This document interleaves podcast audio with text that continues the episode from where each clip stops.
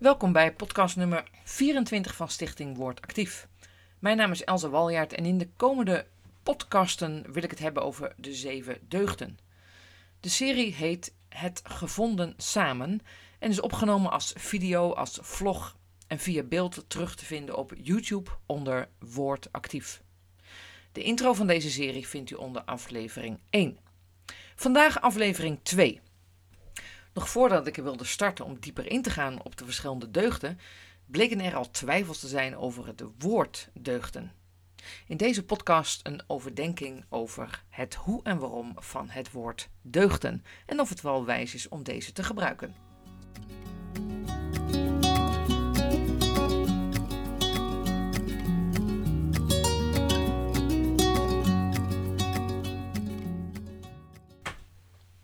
Ik was laatst bij een uh, jongerenbijeenkomst en ik deelde daar een beetje wat ik van plan ben om te gaan doen, om over deugden te praten. En toen zei een van die jongeren, Elsa, dat is niet zo heel slim, want het woord deugden wordt tegenwoordig wel meer geassocieerd met de, de woke-cultuur. De woke-cultuur is jaren geleden opgestart als een, uh, een actie, een oproep tegen rassendiscriminatie, het, het woke, wakker worden. Maar het is de laatste jaren wel redelijk doorgeslagen in een soort van politieke correctheid. Misschien herkent u dat wel, dat je soms het gevoel hebt dat je haast niks meer kan zeggen, want er is altijd wel weer iemand gekwetst. Of je benadeelt één groep, terwijl je juist de andere groep weer te veel aandacht geeft. Het lijkt wel of het bijna op je tenen lopen wordt de laatste tijd om ja, heel goed af te wegen wat je wel en niet kan zeggen. Ik merk bijvoorbeeld dat ik op Facebook ook veel voorzichtiger ben geworden met in mijn achterhoofd van wie, wie kan hier nu weer uh, ja, fel op reageren? Krijg ik dan weer een, een YouTube-filmpje met uitleg hoe dom en hoe stom ik eigenlijk wel ben? Of hoe hard gaan mensen hierop mij weer veroordelen omdat ze vinden dat ik veroordeel? Ik vind het best ingewikkeld, zal ik eerlijk zeggen. Een van de manieren waarop we dat eigenlijk terugzien, is dat we als samenleving massaal besluiten dat iemand niet deugt. En dan cancelen we die persoon. Er zijn mensen die dan grensoverschrijdend gedrag hebben vertoond, of dat nou wel of niet bewezen is. En dan besluiten wij massaal, uh, de vraag is wie wij is, maar om die persoon uh, te negeren, om de muziek van die persoon niet meer te draaien, uh, om de persoon letterlijk uit het Wassenbeeldenmuseum te halen. En los van of het, of het terecht is. Hè? Ik geloof uh, in, in rechtvaardigheid. Ik geloof dat als iemand echt iets doet wat niet kan, dat daar een, een gepaste maatregel op moet komen. Maar het feit dat wij besluiten, jij mag er niet meer zijn. Wij vinden nu dat jij gewoon eigenlijk compleet uit het leven moet verdwijnen. Want jij hebt iets gedaan wat wij niet vinden deugen. Dat is natuurlijk wel keihard. En wie beslist dat? Dat we dat ineens met elkaar doen. En een heleboel doen eraan mee. De muziekbusiness, de, de streamingdiensten, ze doen er allemaal aan mee. Dat is best wel apart. Als je kijkt naar de psychologie. Ik heb dat vroeger geleerd bij, bij lessen op school over psychologie. Als ze zeiden, ja, iemand negeren staat eigenlijk gelijk aan psychologische moord. Uh, dat gebeurt wel eens in gezinnen dat een ouder een kind wil straffen door gewoon een paar dagen niet meer te praten tegen het kind. Ook partners onderling doen het wel eens. Als ze dan een conflict hebben met elkaar, dan negeert de een de ander volkomen. En dat is echt heel zwaar. Dat is echt alsof je er niet meer mag zijn. En de psychologie die omschrijft dat als uh, psychologische moord. De vraag is natuurlijk, wie, wie bepaalt dat dan ineens? Kennelijk hebben wij een bepaald gevoel van rechtvaardigheid en dat we dan massaal besluiten, jij deugt niet en jij telt niet meer mee. Wij zijn best wel prat op het feit dat we onze eigen mening mogen hebben in ons land. En dat, dat is ook echt een luxe, dat je hier vrijheid van meningsuiting hebt. Alleen waar het soms wel in doorslaat, is dat uh, ja, je mag je mening hebben, maar soms zijn er meningen waarvan we vinden dat eigenlijk die mening pas echt telt. En als jij een andere mening hebt, ja, dat willen we eigenlijk laten merken dat jij dan wel fout bent. Maar nee, je mag je eigen mening hebben, maar het klopt niet wat jij zegt. En dat zullen we je laten weten ook. dat is een hele aparte ontwikkeling. En ik snap ook wel dat die jongeren mij daarom ook waarschuwen, want het, het woord deugden heeft daardoor een wat, wat negatievere ja, lading gekregen. Ik hoorde laatst ook het woord deugdendruk. Weer wat nieuws. Dus ja, moet ik het dan wel gaan hebben over de deugden? Kijk, mijn insteek is natuurlijk absoluut niet om mensen te gaan veroordelen of je wel of niet deugt. Het woord deugden vanuit de Bijbel gezien heeft een hele andere betekenis. Ik geloof veel meer in het samen optrekken. Ik geloof in elkaar kunnen helpen, ook al verschillen we van mening. Ik geloof in luisteren naar elkaar, in liefhebben, in elkaar opbouwen en bemoedigen. In plaats van uh, hoe kan ik mijn gelijk halen en mijn recht halen.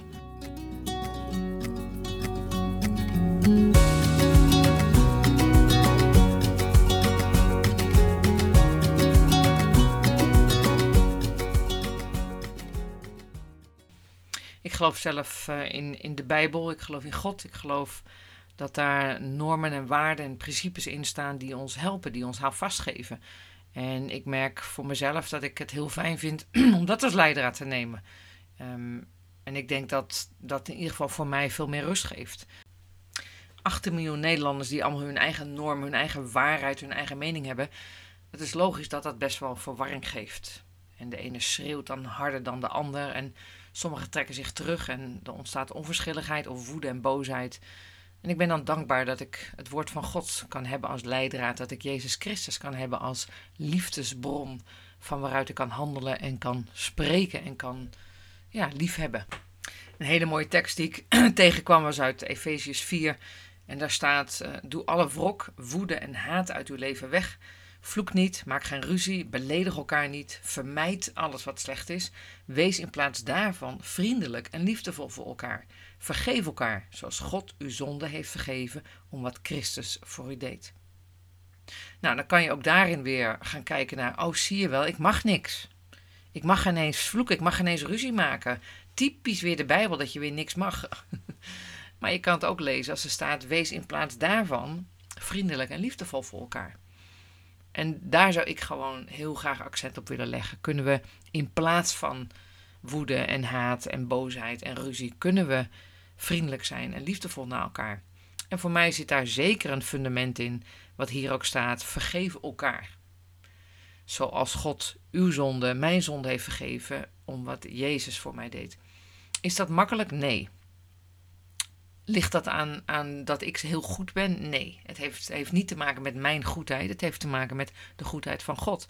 Vergeven is niet goedkoop. Vergeven kost wat. Vergeven kost soms rouw en verdriet en, en ja, tijd voordat je daar overheen bent. Maar vergeving zet vrij. Vergeving baant de weg om weer elkaar te naderen, om weer samen op weg te gaan. En ik geloof nog altijd dat dat beter is dan in verdeeldheid en boosheid achter te blijven. Maar het, het is een proces waar ik in ieder geval heel hard God bij nodig heb. En dat betekent dat ik daarin mijn verantwoordelijkheid wil oppakken. Dat ik niet alleen maar kan zeggen van nou ja, God fixt het allemaal voor mij. Het is mijn verantwoordelijkheid en mijn keuze om te zeggen ik wil dit graag. Ik wil op die manier in het leven staan. En daar heb ik gewoon God heel hard bij nodig. En dan wil ik niet bezig zijn met wie wel of niet deugt. Dan wil ik heel graag bezig zijn met de liefde van God. En die voor mezelf te hanteren, maar zeker ook naar mijn naasten. En op die manier een verschil te maken in het leven. En dus ga ik het misschien niet meer letterlijk hebben over het woord deugden, maar ik ga wel degelijk de thema's vanuit de Bijbel met jullie behandelen en gewoon ook zelf beleven en, en onderzoeken. En dat ook samen met anderen doen. Wat heel leuk was tijdens de wandeling in het bos, waarin ik de vlog maakte, kwam ik een, uh, een oudere vrouw tegen die aan het wandelen was met een jongere dame. Die kwam uit een tehuis. Zij kon zelf niet meer praten en liep ook heel moeilijk. Ze kon achter de rolstoel een beetje meelopen. En ik raakte met deze oudere vrouw in gesprek. En deze jonge dame die pakte al heel snel mijn hand. En we liepen zo gedrieën een heel eind door het bos. En hadden we het over dit onderwerp. Zo bijzonder. En dat ook deze oudere dame zei van ja, we moeten echt leren om niet op onze strepen te staan wat betreft onze mening. Maar ook veel meer te luisteren naar elkaar. Mooi hè? Dat vond ik zo leuk. Zo midden in het bos zo'n uh, ontspannen gesprek. Goed. Dat was uh, deze tweede aflevering. En vanaf de volgende aflevering gaan we daadwerkelijk de deugden of andere principes vanuit Gods woord behandelen.